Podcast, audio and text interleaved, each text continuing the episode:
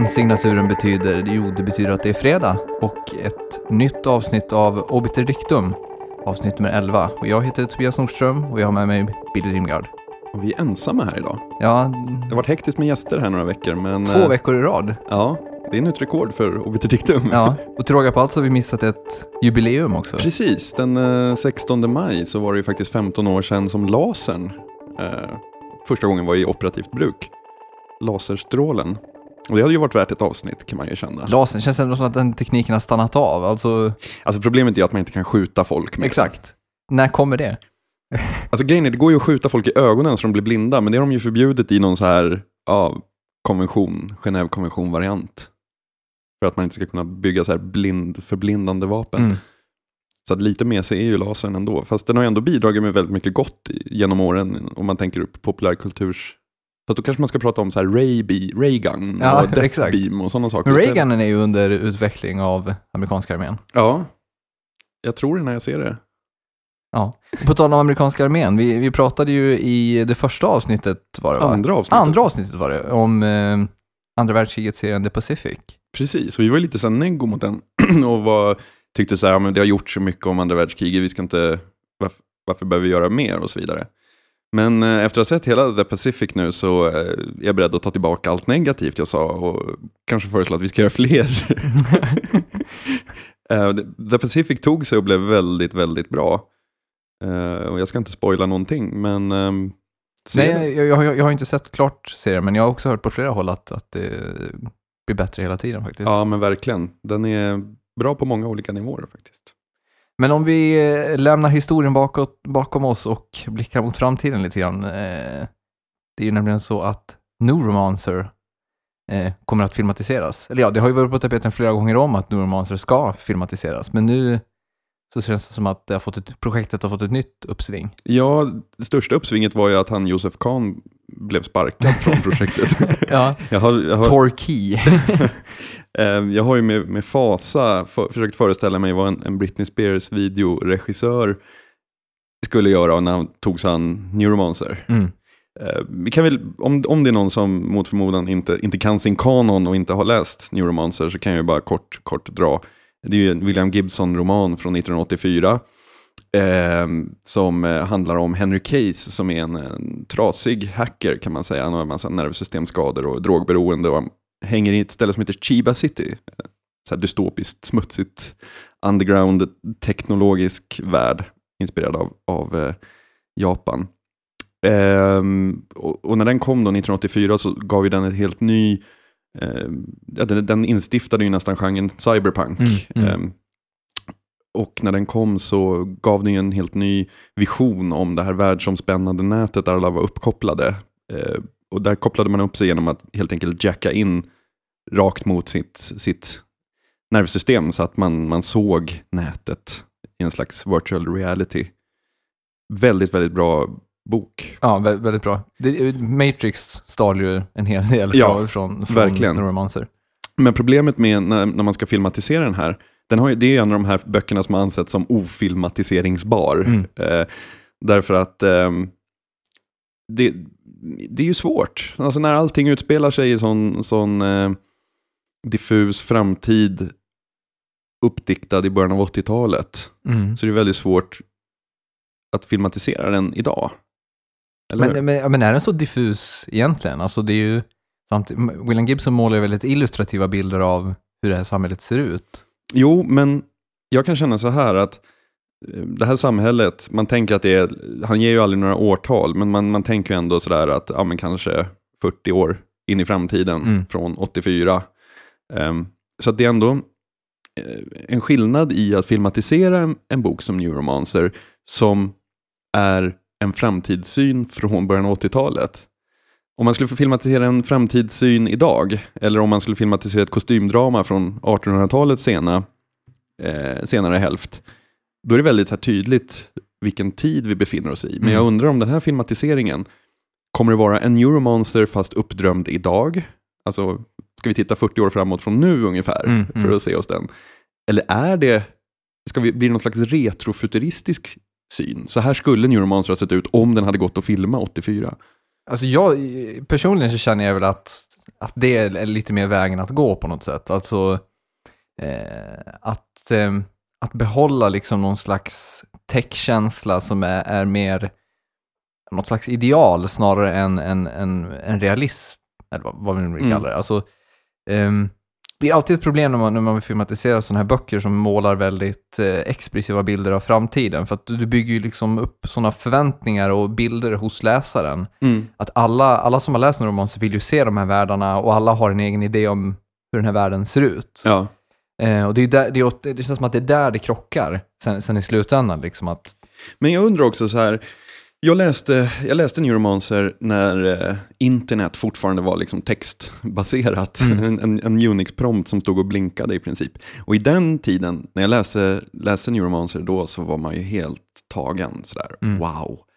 Bara det att det går ju att argumentera för att de lösningarna vi har idag, där liksom vår Facebook-konto kopplas ihop med Twitter och vi har geopositionering på mobilen och allt det, alltså det är ju mer avancerad teknologi än de kör i Neuromancer Ja. kan man säga, förutom att de har vissa onda artificiella intelligenser eh, som, som löper amok. Men förutom det så, alltså den här vardagliga, vardagliga teknologin är ju inte så märkvärdig. nej, men också Neuromancer spelar mer på den här eh, smutsiga teknologin. Alltså det är ju inte det här, eh, det är liksom inte, det är inte iMac eller Nej, iPhones de springer runt med, utan det är liksom, eh, det är det här Ful programmerad rysk eh, virusprogramvara. Liksom. Precis, och det är alltså det är väl på något sätt i den världen man får föreställa sig att, eller hoppas i alla fall att, att filmatiseringen tar form, alltså i någon slags värld där eh, kanske till och med det, som, som ju inte är helt farfetched, alltså där internet är någon slags begränsad grej och istället så har vi kommit på så här små piratnätverk där man loggar in sig och sådana saker. Mm.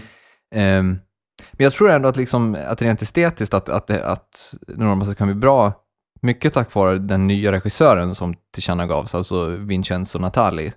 För han har ju, han har ju en väldigt renodlad egen stil, alltså det är han som har gjort Cube, han har gjort eh, Cypher, eh, Och Cypher som är en väldigt utpräglad William Gibson-film. ja, verkligen. Eh, alltså, utan att vara skriven av William Gibson så utspelas den verkligen i hans samhälle med de här megacorporations. Mm. Som, Du berättade väl också att William Gibson står fullt bakom Ja. valet av eh, Vincenzo Natali? japp, Och det är ju verkligen jättekul. För Gibson har ju sagt att han har tagit avstånd från alla sådana här projekt Mm. se- sen Chris Cunningham, eh, också musikvideoregissör i och för sig, men eh, betydligt mer innovativ kanske. precis.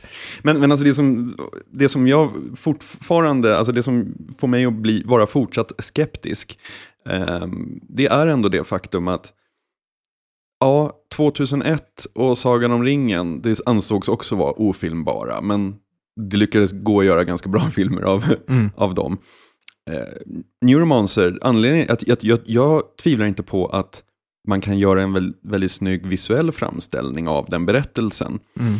Men jag återkommer ändå hela tiden till problemet att den faktiskt har sin beskärda del av virtual reality i sig. Mm. Eh, när man jackar upp in på nätet så ser man ju en sajt som en byggnad man går in i Mm. när man loggar in på den sajten. Och hela det begreppet är ju totalt utdaterat, vilket William Gibson är den första att erkänna. liksom. Han, han, eh, han eh, lever ju inte kvar i sin Neuromancer-värld längre. Nej.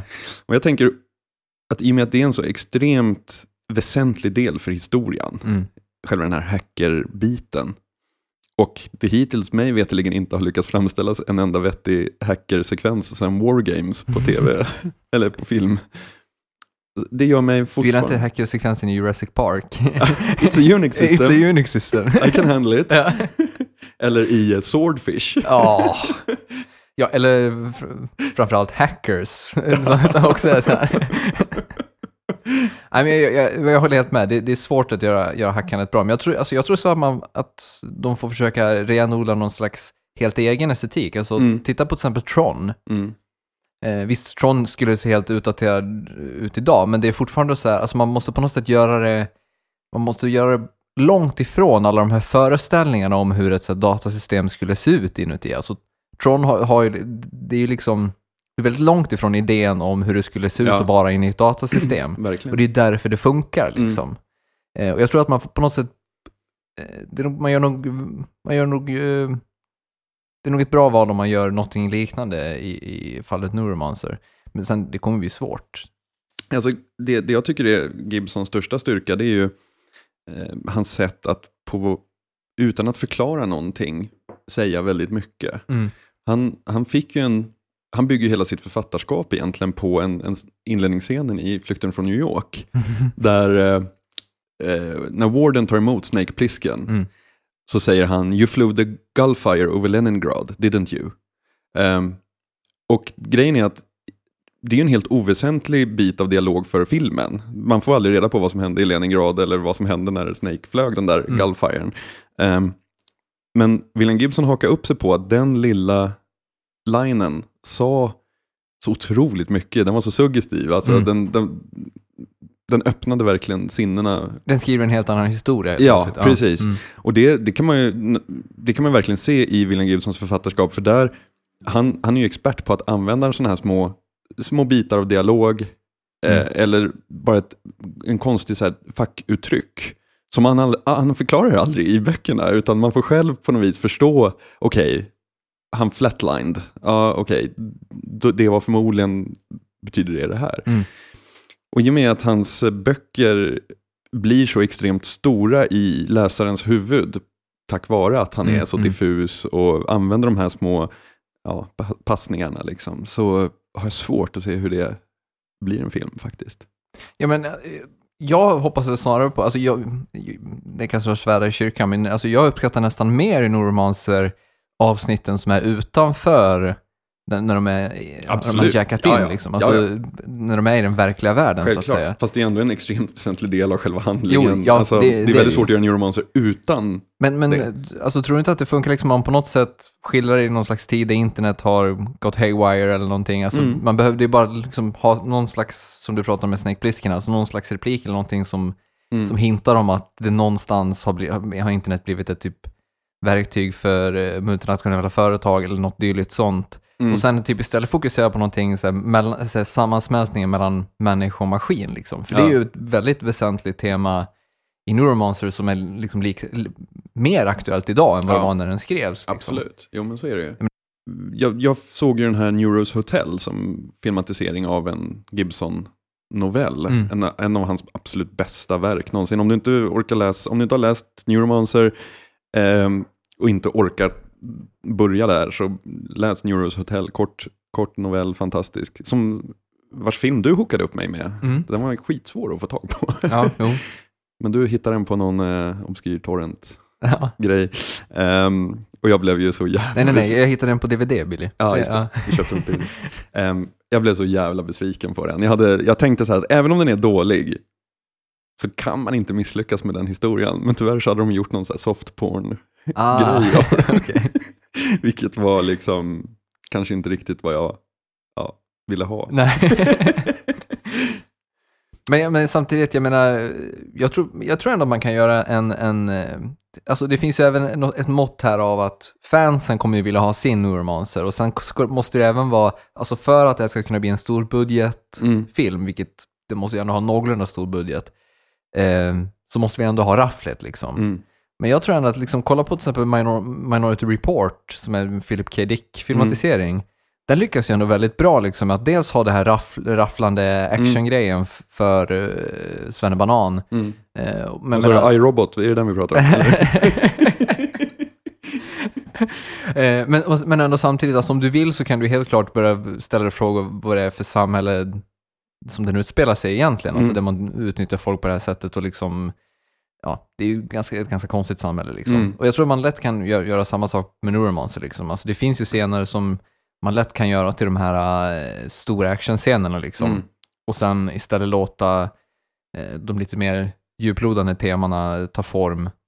Jo, absolut. Jag, jag är helt med, men jag, men jag faller ändå tillbaka på det här liksom att, ja, okej, vi har en AI som spelar en ganska stor roll som heter Wintermute. Och vi vet ju hur så artificiella intelligenser porträtteras på film. Mm. De pratar med den här rösten. Och liksom ger så här, ja, ett stort lysande Ja, rött ja. lampa liksom. Ja, vi får se. Kommer den bli 3D? Vi kan nog nästan kallt räkna med det. Om, om den får stor budget och plockas upp av en stor studio så kommer det garanterat bli 3D. Det mesta görs ju i, i 3D. Piranha ska de i 3D. ja. Men, men Görs, jag vet inte, nu är jag dåligt påläst, men görs Piranha i 3D eller kommer den konverteras till 3D? Det är ändå en viktig distinktion känns det som idag. Vad är, vad är den distinktionen? Distinktionen är ju att det finns ju då vissa filmer som eh, faktiskt filmas i 3D, alltså med stereoskopisk kamera. Mm. Eh, till exempel då Avatar och till viss del även eh, Alice in Wonderland. Det är väl nästan de enda två som, som eh, har gjort det i princip. Mm. Ehm, och sen har vi då den andra kategorin där man, där man gör om dem till 3D i efterhand. Alltså de är vanligt Mm. filmade. Och det, är, det är det man pratar om nu, att man, det ska, de ska göra det med i princip alla storfilmer som har gjorts, låter det som. Alltså Star Wars, Lord of the Rings, allting. Ja. Det är ju synd, känner jag lite grann. Och det blir en kvalitetsförsämring då jämfört med om man filmar det i 3D. Ja, eller det blir ju garanterat inte samma djup i bilden i alla Nej. fall, eftersom att de är filmade på olika sätt. Men eh, förra veckan så hade ju film, den amerikanska filmkritiken Roger Ebert eh, publicerade ju i eh, Newsweek ett, närmast ett manifest, eller vad man ska kalla det, mot 3D-filmen. Alltså han, han är ju redigt förbannad, eh, kan man säga. Jag tänkte om jag snabbt drar de, eh, han ställer upp åtta argument för varför Mm. 3D-filmen är en dålig idé. Det första är då för att, eh, alltså att den tredje dimensionen behövs inte i film, menar han då, utan, utan när, människan kollar på 2D-film så kompenserar vi med hjälp av vår hjärna för djupet i bilden, så att säga. Mm. Alltså den tredje dimensionen är egentligen helt värdelös. Ehm, och han menar även att det, till, det tillför liksom inte filmupplevelsen något. Alltså, vi kan fortfarande uppskatta film när den är i, i två dimensioner. Alltså, vi Mm. gillar ju alla klassiker, Ja. trots att de är i två dimensioner. Tredje argumentet är att det kan vara en distraherande effekt. Alltså att vi sitter och vet inte vad vi ska fokusera på eh, eftersom att vi helt plötsligt sitter och tittar i ett tittskåp. Liksom. Eh, det fjärde argumentet är att man kan bli illamående och få huvudvärk, vilket tydligen han då har upplevt. Ehm, det femte är att bilden blir risig och tonad av glasögonen. Mm. Och det är någonting jag verkligen har reagerat på. Va? Verkligen? Ja. Eh, argument nummer sex är att, det, att han menar att det, det till stor del handlar om att dra in pengar på att sälja nya projektorer till biograferna. Eh, nummer sju är att det blir dyrare biobiljetter. Nummer åtta är att man gör om film till ett spektakel. Eh, och han kan då, alltså han menar att, man, att han aldrig skulle kunna föreställa sig ett seriöst drama i 3D till exempel, Nej. utan filmen blir något annat. Precis. Håller Ja. du med, Ebert? Till stora delar gör jag faktiskt det. Alltså jag, är, jag, jag, är inte, jag säger inte att 3D-filmen inte ska få finnas, men jag håller faktiskt med, alltså om vi pratar i generella termer, så är jag nog helt med på honom. Ehm, jag, jag är inte helt inställd, negativt inställd till, till 3D, liksom bara som fenomen, men jag tror att det finns filmer som är utpräglade 3D-filmer. Mm. Alltså som det här Transformers 3. Ja, men det är klart att det är en 3D-film. Medans alltså, andra filmer kanske inte skulle passa. Och då menar jag inte bara seriösa dramer, utan jag tänker även att jag har jättesvårt att se en Batman i 3D exempelvis. Mm. Alltså verkligen svårt att tänka med det. Och jag kan ju känna lite så här att det har blivit en så här hysteri att allt ska göras i 3D. Mm. Verkligen allt. Och det tycker jag är lite så här fel väg att gå. För om man tänker så här, The Matrix, det de gjorde med så här bullet time-grejen, Mm. när den kom, var ju helt banbrytande. Mm. Men det betyder ju inte att man plockar in så här bullet time-grejen i alla filmer efter det. Utan det är ju Fast vissa... många filmer gjorde ju det och Jo, det blev jo. jättekrystat. Jo, liksom. absolut. Ja. Men alltså, en, en så här John Woo pang pang, ja, Ja. men kör. Det passar jättebra. Mm. Medan kanske så här, äh, ja, omfilmatiseringen av Miami Vice, Mm. nej, där ska den inte vara för att i Miami Vice jobbar man inte med bullet time. Alltså, jag, jag menar att 3D är bara ännu en effekt. Och för vissa alltså, animerade filmer, Pixar-grejer, kör Mm. hårt. Ja. Bara ös. Men, Men varför då? Alltså, vad, vad, är, vad är det vi, vi tjänar på genom att se de här filmerna i 3D, tycker du? Ja, tjänar. Eller jag, alltså, du, du sa att, de, Ja, att det är klara 3D-filmer. Jag- Alltså, jag, jag förstår vad du menar, men behöver de verkligen vara det? Men de behöver ju... Alltså 3D är väl mycket en grej för att man ska gå på bio igen. Mm. Och faktum är att när man sitter med så här surround, fett ljud och det är i 3D så är det ju en väldigt så här häftig upplevelse. Det var samma anledning till att man gick på så här, vad hette det ute vid Naturhistoriska Cosmonova? Cosmonova ja, och såg en hela film om så här, universums uppkomst på 45 minuter. Kommer inte ihåg någonting av det de sa, men så här, det var coola, coola bilder på galaxer. Liksom. Mm. Ehm, om själva filmen i sig tjänar på att vara i 3D eller inte, det vet jag inte, men upplevelsen av den kan ju absolut göra det. Jag, jag skulle helt klart säga emot där. Alltså, för jag tycker verkligen att upplevelsen inte tjänar någonting alls på det. Jag har sett två filmer i 3D, varav den ena inte ens var hela i filmen i 3D.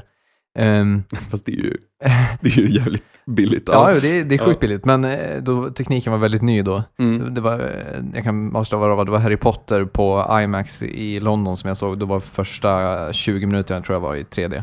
Mm. Ehm, den 3D funkar dock väldigt mycket bättre än i den andra 3D-filmen jag har sett, Avatar, som jag vet att du, även du har sett. Mm. Jag har även sett nu Avatar i 2D hemma på min eh, vanliga HD-TV liksom. Eh, och jag måste säga att filmen är mycket bättre visuellt eh, på min TV hemma så att säga, Mm. än vad den var när jag såg den med, med 3D i biosalongen. Mm. Av mm, mycket av det som Ebert tar upp, alltså det, det är irriterande vad man ska fokusera på, det är Mm. jobbigt för ögonen att, eh, att sitta och, och titta på och fokusera på ett djup som inte finns liksom. Ja. Eh, alltså sådana faktorer. Bilden blir tonad och så vidare. Alltså, jag tycker verkligen att, att bioupplevelsen försämras avsevärt. Mm. Jag, jag är verkligen emot det 3D-filmen. Det är liksom ingen färdig teknik för mig. Alltså, Nej, absolut. Det känns experimentellt. Ja, och då kan man experimentera med det i mindre skala än att det ska släppas alla stora blockbusters i 3D liksom.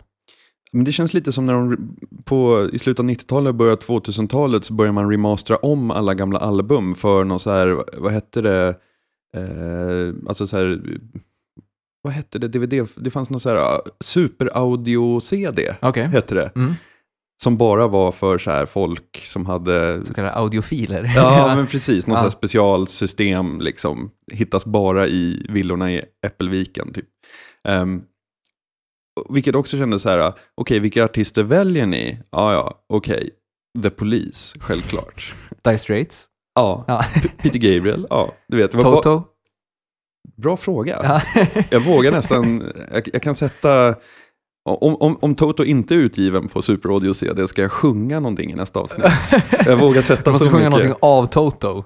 Ja, Ja, det är vi, taget. Vi, vi, vi, vi bettar det. Jag känner mig trygg. ja, så går det när man tar sig vatten över huvudet här i podcasten. Men vad var vi? Vi var på 3D-filmen. Eh, eh, absolut så känns det som en experimentell, ofärdig teknik. Men jag kan ändå tycka att i vissa sammanhang så blir det ju spektakulärt.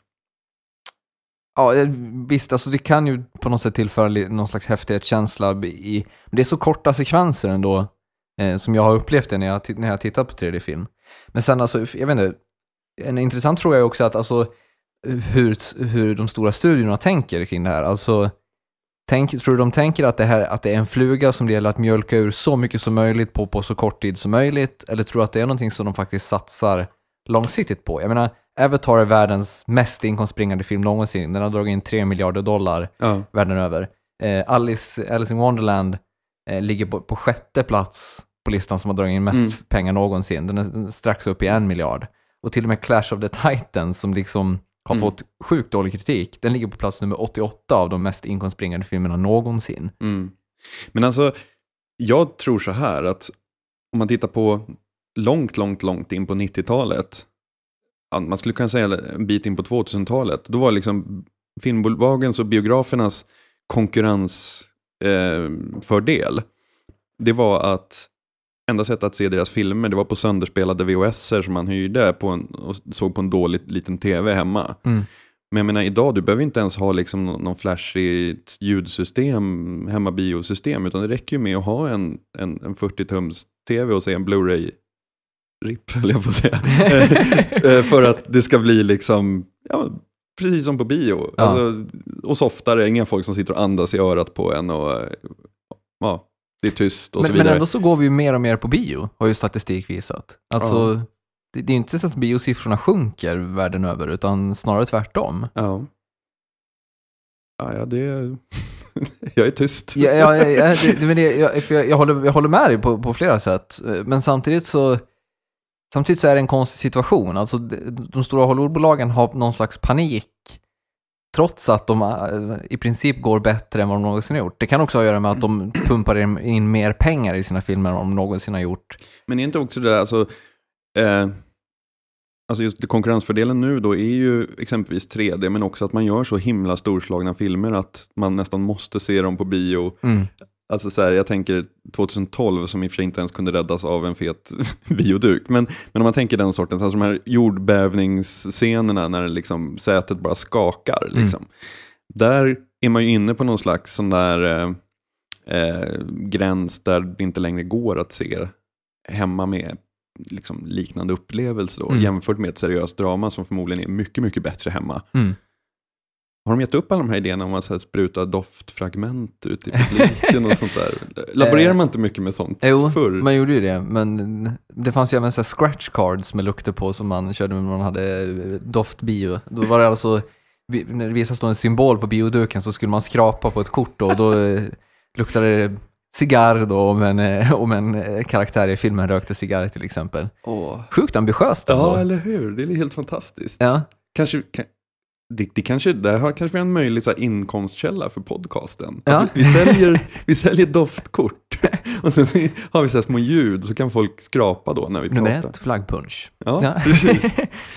Men det finns ju även eh, andra nya teknologier som är på gång för, för att förhöja själva bioupplevelsen. Vi har ju eh, dels då, vad heter det, IMAX, som eh, nu för tiden är ganska utbrett. Det finns ingen IMAX-biograf i Sverige än så länge. Eh, Cosmonova visar ju IMAX-formatet, men de har ju ingen IMAX-duk då. Mm. Eh, och det är helt enkelt bara större film och större filmduk liksom. Mm. Har du sett någon film i IMAX? Nej. Eh, när jag har sett då Harry, Harry Potter, så jag är rätt som i London. Jobbigt att behöva återkomma till den som Ja, referenspunkt hela tiden. Eh, det är, alltså det, för mig är det ett betydligt mycket bättre alternativ än, än, än 3D-filmen. Eh, just alltså bara det att, att istället för att du sitter och tittar på en duk där framme, som, som det känns ofta som i en biosalong, så är det liksom så sitter du liksom mer eller mindre i duken, alltså det, för det är så pass Mm. stor duk. Liksom. Mm. Eh, och vi har även då eh, det som kallas för D-box technologies som, är, som håller på att ta form i USA då, eh, där det i princip är så force feedback-säten, alltså det, det rör sig och grejer när du tittar på filmen. Man sitter i en stol alltså.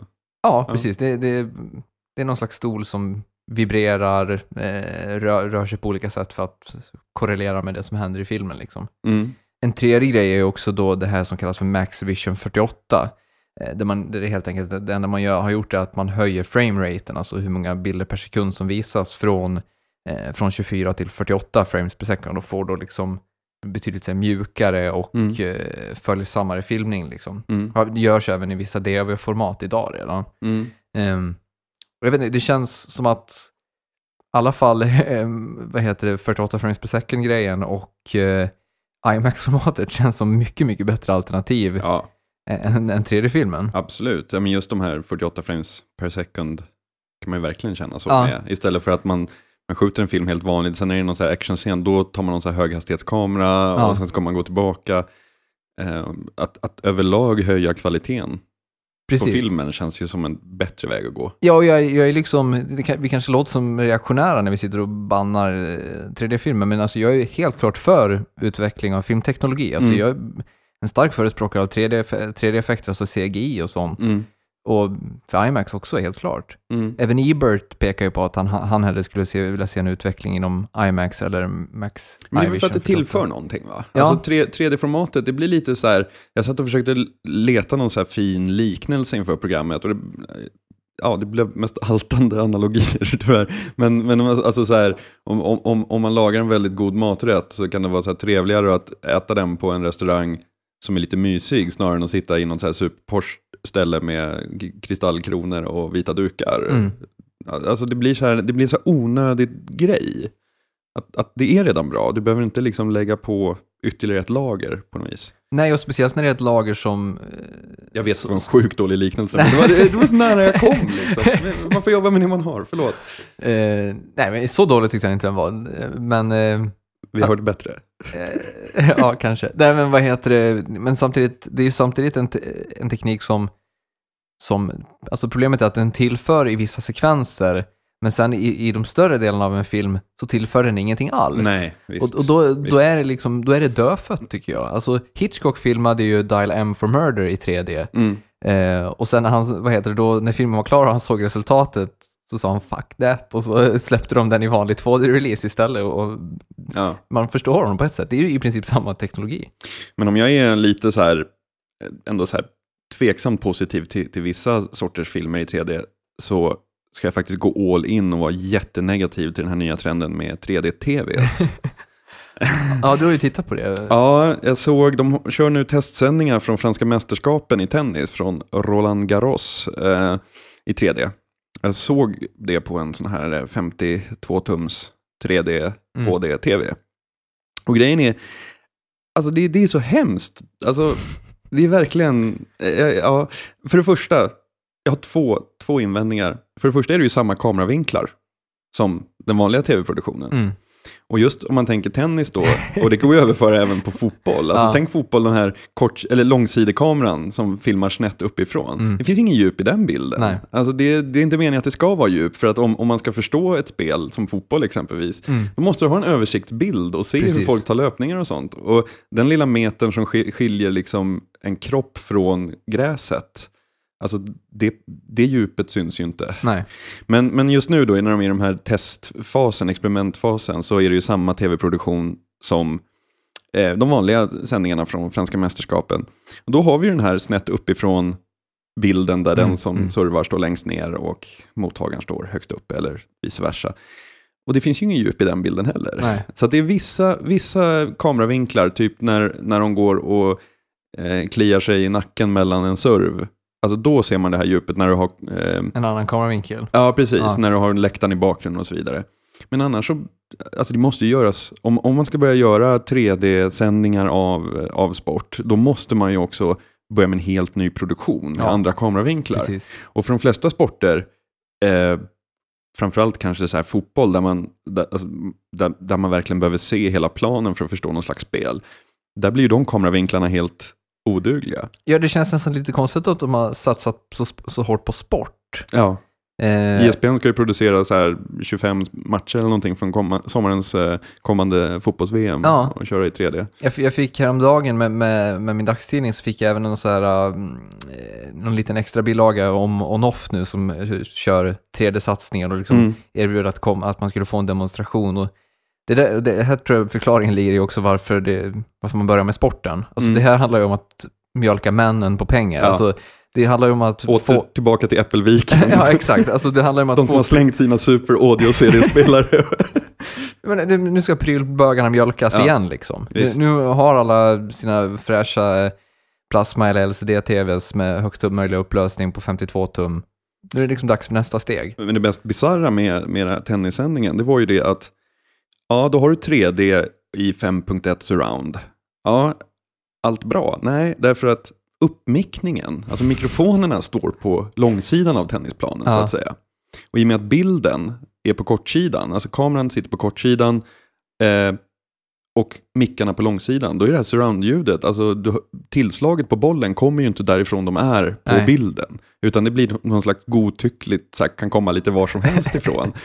Ehm, och bara en sån sak att, att surround, alltså stereobilden, alltså i ljud så har du ju inte det här 3D-djupet. Mm. Där kan du bredda till höger eller vänster, Ja. men du kan inte bredda framåt och bakåt. Och Om du inte har högtalare bakom dig och framför dig också. Precis, men det spelar ingen roll om det bara är uppmickat på Nej. långsidan. så att, så att så här, när det blev något så här tjafs, som de gick fram och snackade med domaren, eller så här, publiken reagerade på någonting och sånt där, ja men då hördes det bra. Men så fort spelet var igång så sinnena blir helt så här, man, man fattar inte hur man ska tolka intrycken. Nej. Det är lite som när man tittar på en film där ljudet är lite osynkat i, i datorn exempelvis. Eh, att det bara känns så här jättekonstigt. så den upplevelsen var inte bra, kan vi säga. För alla som har tänkt att gå och köpa 3D-TV till, till fotbolls-VM. Mm. Men vi kan väl göra någon slags kontenta med att eh, vi, vill, eller vi förespråkar någon slags skynda långsamt inom det här. Alltså förfina tekniken innan det ska satsas storskaligt liksom. Absolut. 3D-teknologin är ju inte det enda stället där folk letar nya former av distributionsformer och eh, nya sätt att närma sig en kund. Mm. Vi har ju eh, sett i affärerna The Arks nya album som säljs med en tidning. Ja. Säger du och skrattar. Ja, jag, jag, jag tycker det hela är så fånigt så det liknar ingenting, men eh, Var, varför tycker du att det är fånigt? därför att alltså jag, jag förstår verkligen inte, inte idén överhuvudtaget. Alltså den här tidningen, eh, den innehåller väl någon slags, eh, ja vad är det, bilder, intervjuer och sånt och liksom Ja, nej, alltså jag förstår inte vad, vad direkt alltså vad tanken är. Det, jag förstår att tanken är att det ska på något sätt ska bredda idén när du köper albumet så får du även, alltså det är boklén i, en större, i ett Ja. större format, alltså i formatet av en kundtidning helt Mm. enkelt. Eh, och jag vet inte, jag hyser ju ög mot kundtidningar överlag, Mm. så, så, att, eh, så att det är väl kanske inte så konstigt. Men du, jag, jag, jag får en känsla av att du är av annan inställning. Ja, absolut. Eh, nu- nu har jag varken hört albumet, läst tidningen eller har särskilt mycket till övers för The Ark. Men eh, vi, vi pratade ju för några avsnitt sedan när, när Sara var här så nämnde jag ju hur eh, jag insåg att så extremt få av de artister jag lyssnar på idag, att jag vet hur de ser ut. Mm. Så man lyssnar på dem men har ingen aning om någonting annat. Och jag tycker liksom, Men Nu- Ark vet ju hur de ser ut. Ja, det gör jag. Men alltså, det här försöker att kontextualisera sin musik och att bli, ehm, ja, att, att bygga någon slags ehm, värde utanför musiken för fansen. Det tycker jag är jättesmart Men gjort. varför måste man kapa tidningsformen för att göra det? Det är tidningsformen per se som du ogillar, eller? Ja, fa- faktiskt. Alltså, Mm. Jag har absolut ingenting emot att kontextualisera och konceptualisera albumet. Nej. Men man, men man kan göra det på så sjukt mycket bättre sätt än att pumpa ut en tidning alla Rodeo. Eh, Fast här får de ju, de, de får ju distribution plus att de betalar mindre i moms då för en tidning jämfört med ett album. Så det är ju smart rent affärsmässigt. Jo visst, mycket möjligt. Men jag menar, alltså, ta som eh, släppen som Kningdisk ser ut. Ja. Där har vi ju också på ett sätt, ett, ett, helt klart i alla fall ett konceptualiserande kring albumet. Alltså de Mm. gör ju helt fantastiska artefakter av sina album Mm. liksom. Eh, och det är ju någonting jag välkomnar betydligt mycket mer, för där finns det liksom en, det finns någon slags kreativitet eh, bakom det som gör mig som kund nu då Ja. eh, betydligt mer, vad heter det, intresserad. Alltså, när, när det helt plötsligt bara en, en The Ark-tidning med albumet, det känns ungefär som när du får leksaken i, i ditt McDonalds-mål eller någonting. ja. Du köper ju fortfarande inte McDonalds-målet för leksaken, utan Fast jag tycker, no, men jag, jag, jag tycker ändå så här. Jag förstår, jag förstår det osmakliga som du antyder i att någon ringer upp en reklambyrå och säger tjena grabbar, kan ni lägga en hipp tidning till oss? Den, Mm. ska, den ska kännas lite storstads, hipster, mode, cool. Sådär. Mm. Och man gör en, enligt någon slags eh, standardformulär 1A. Jag förstår att, att, att det finns någon, någon slags osmaklighet i det jämfört med Kningdisk som sitter hemma och är konstnärer mer. Ehm, men samtidigt, om man, intentionen tycker jag ändå, alltså om man bortser från alla de grejer, så tycker jag att intentionen är ändå bra. För att exempelvis alla boxar som jag har köpt genom åren, det har inte jag gjort för musiken, för den har jag oftast redan haft. Mm. Utan jag har köpt den för böckerna. Mm. Som, som, som när Pet Shop Boys släppte alla sina album remasterade. Så var det så extremt dåligt remasterade, ljudet är verkligen kast på dem. Men jag har Mm. köpt alla deras album där ändå, därför att de kommer med väldigt fina små böcker där, där, där Chris och Neil sitter och snackar om alla låtar. Jo men det, jag vet inte, alltså, det, det känns väl helt okej på något sätt. Alltså det är just när man gör det till den här eh, Det är liksom Alltså, jag- hyllan på Pressbyrån som du stör dig på. Ja, inte, inte bara hyllan på Pressbyrån. Alltså det, det känns som när, när jag, vad heter det, mm, när jag får mer smak i brevlådan. Det är ju då Coop Forums eh, egen Ja. tidning. Alltså det blir hela någon slags äcklig livsstilsgrej som jag ska liksom inspireras av och vilja liksom kasta mig in i någon slags ny värld av marinader och... Fast du har ju valt att vara, alltså att, att, att vara Coop-kund bevisligen. Ja, men jag har inte valt att få deras tidning. Nej, men, men du har ju ändå liksom, alltså, jag ser det inte riktigt så. Jag ser det så här att, ja men liksom, ta tv-kanalerna, eh, förr, förr i tiden när man hade Filmnet. Mm. jag vet inte, är det de som är Kanal Plus nu? Det borde det vara. Ja, Filmnet Ja. i alla fall. Eh, då kom jag att man fick någon så här Filmnet-magasinet som var Mm. så här månadstidning. Och grejen är att då, det är ju en ren kundtidning som bara är till för att, ja, man ska fortsätta konsumera deras produkt. Precis. Men i den så var det ändå så här, intervjuer med regissörerna och folk som skrev om filmerna som skulle visas och så här, eh, reportage. Säkert extremt tillrättalagt av filmbolagen, säkert liksom en ren reklamprodukt. Men ändå så gav det mig någon så här, oj, den här filmen har premiär den här månaden. Och så får man läsa med regissören och så tycker man det verkar spännande och så kollar man in när den har premiär på Filmnet och så kollar man på, på den. Men det känns lite som SF Bios tidning som man alltid plockar på sig innan man går in i salongen för att ha någonting att läsa under reklamen. Ja, Eh, alltså, visst, det kan, det, det, kan, det kan vara ett bra sätt att bläddra igenom och se vilka, bios, vilka filmer som kommer ha premiär de kommande två månaderna. mm. Men samtidigt så, Det kan jag lika gärna kolla upp på nätet hemma. Alltså, förstår du vad jag menar? Jag, Fast inte... deras jävla reportage om eh, intervjuer med Kate Blanchett om hur det var att jobba med Russell Crowe med nya Robin Hood-grejen. De är så sjukt dåliga de reportagen att de ger mig ändå ja, ingenting. nej, idag nej. Absolut, idag nej. För att du har, du har nätet. Ja, Men jag tänker så här, Ja, men förr i tiden så skrev dagstidningarna liknande saker Ja. istället. Alltså jag, jag, jag låter väldigt så här äh, antikommersialism och äh, vänster, men det, det är verkligen inte. Men det jag menar är liksom att i The Arks fall nu till exempel, jag har absolut ingenting emot om man utvidgar albumet till att vara någonting mer. Men det känner jag inte att man har gjort här. Så det, det man har gjort är att man har liksom gett albumet ett nytt ansikte för att, kolla här, köp albumet så får du tidningen på köpet. Alltså, Mm. köp Expressen idag så får du första säsongen av Sopranos. Alltså förstår du jag Mm. Det är den grejen jag stör mig på. Det är inte, inte just idén om att, att man gör, gör någonting mer av albumet. Det är hur det är gjort så att säga. mm, Och det, det är någonting jag, det känns som att det går igen även i, i SF Bios grejer. Alltså det, det är det här liksom att kolla alla häftiga filmer som har premiär. mm, När du vet att den här filmen är ju egentligen inte alls häftig, nej. men i SF Bios film, eller SF Bio-broschyren så blir den häftig för att de vill att du ska gå på Alltså, den. jag, kan tycka att det är en, jag kan tycka att det är en skillnad där, för att The Ark har ju valt att bli ett fan av. Alltså du vet ju vad du får någonstans. Bara Mm. det att här får du, ursäkta, här får du lite mer info om dem kanske och, och, och lite reportage och sådana saker. Men SF Bio vill ju bara sälja ytterligare fler produkter till dig. De, de, de och vill, annonspla- ännu fler annonsplatser i tidningen. Precis. Mm. Men jag kan känna så här att det är ungefär som ja, en, en podcast jag lyssnar på. Om, om den är intressant så följer jag gärna den personens blogg också. Mm. Därför att jag tycker att alltså, följa podcasten plus bloggen är större, alltså det ger mig mer än att följa bara bloggen eller bara podcasten. Förstår du vad jag menar? Jag Alltså, förstår det ger, du menar. alltså för att förstå referensramar, var kommer folk ifrån, vad, vad är ambitionen? Ja, kontexten. Mm. Alltså jag förstår precis vad du menar, men Men är det lite... jag håller, jag håller med, men då måste bloggen vara bra. Eller förstår vad jag menar? Då måste bloggen, Men ta Plura, Plura körde ju en blogg innan de släppte sitt album som hette Svart blogg. Ja. Där han berättar massa grejer hit och dit, bla bla bla. Och det blev sen en, en bio, självbiografi. Mm.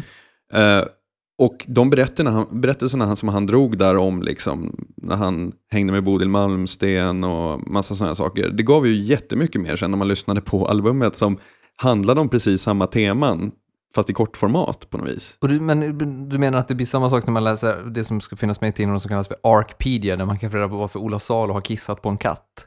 Alltså, nej, men förstår du vad jag menar? Alltså, det, det finns, jag menar att här finns det en nivåskillnad. Ja. Alltså, det, det Plura gjorde var på många sätt intressant. Det, vad heter det, The Ark gör är bara ett led i marknadsföring. Och det är just det här, det är just den här, det exploaterandet av tidningen i marknadsföringssyfte som jag eh, äcklas lite av. Mm. Mm. Ja, alltså jag, jag kan hålla med om att en dålig grej alltid är en dålig grej. Mm. Men jag tycker ändå så här att jag har svårt att tycka att det är ett rent äckligt grepp, som du tycker. Men, men alltså, för det jag menar är också att det finns ju helt klart olika saker som gör, gör, det, här, gör det här konceptet bra. Eh, olika förlag har ju gett ut eh, olika publikationer väldigt länge. Det mest klassiska exemplet är väl BLM, alltså Mm. Bonniers litterära... Nej, nu sa jag fel. Jo, nej, BLM. ja.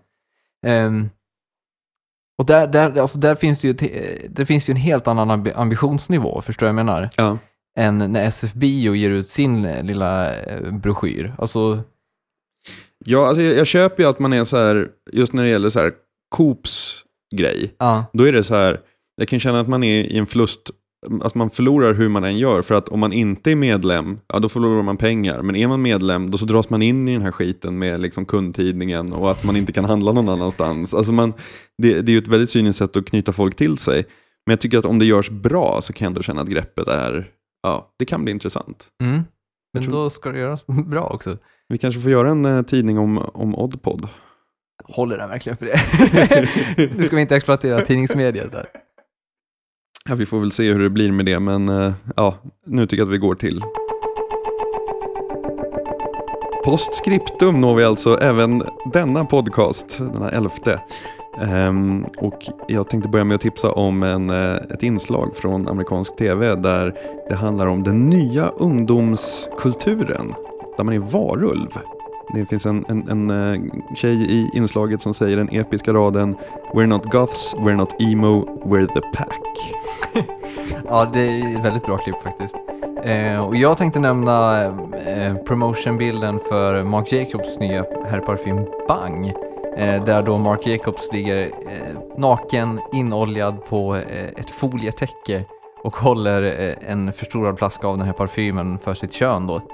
Eh, Eh, väldigt eh, fantastisk bild på många sätt tycker jag. Eh, Det finns många nivåer. det finns många nivåer. Eh, Även, det är även en intressant passning till Tom Fords herrparfym som publicerade en bild med parfymflaska för ett mans anus i Out Magazine för några år sedan.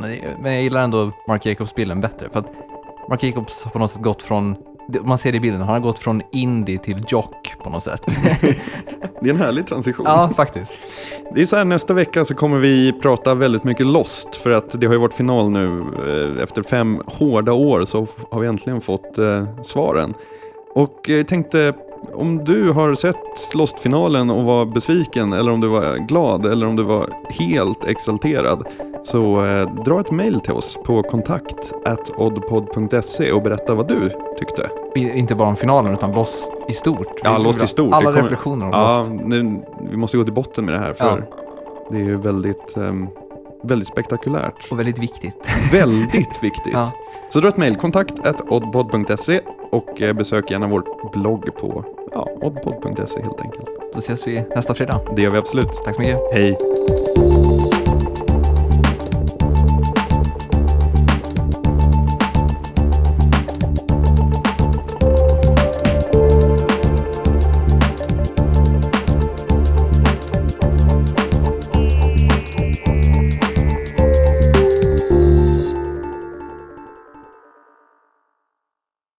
Postscriptum har vi nått även denna dag, detta elfte. Förlåt.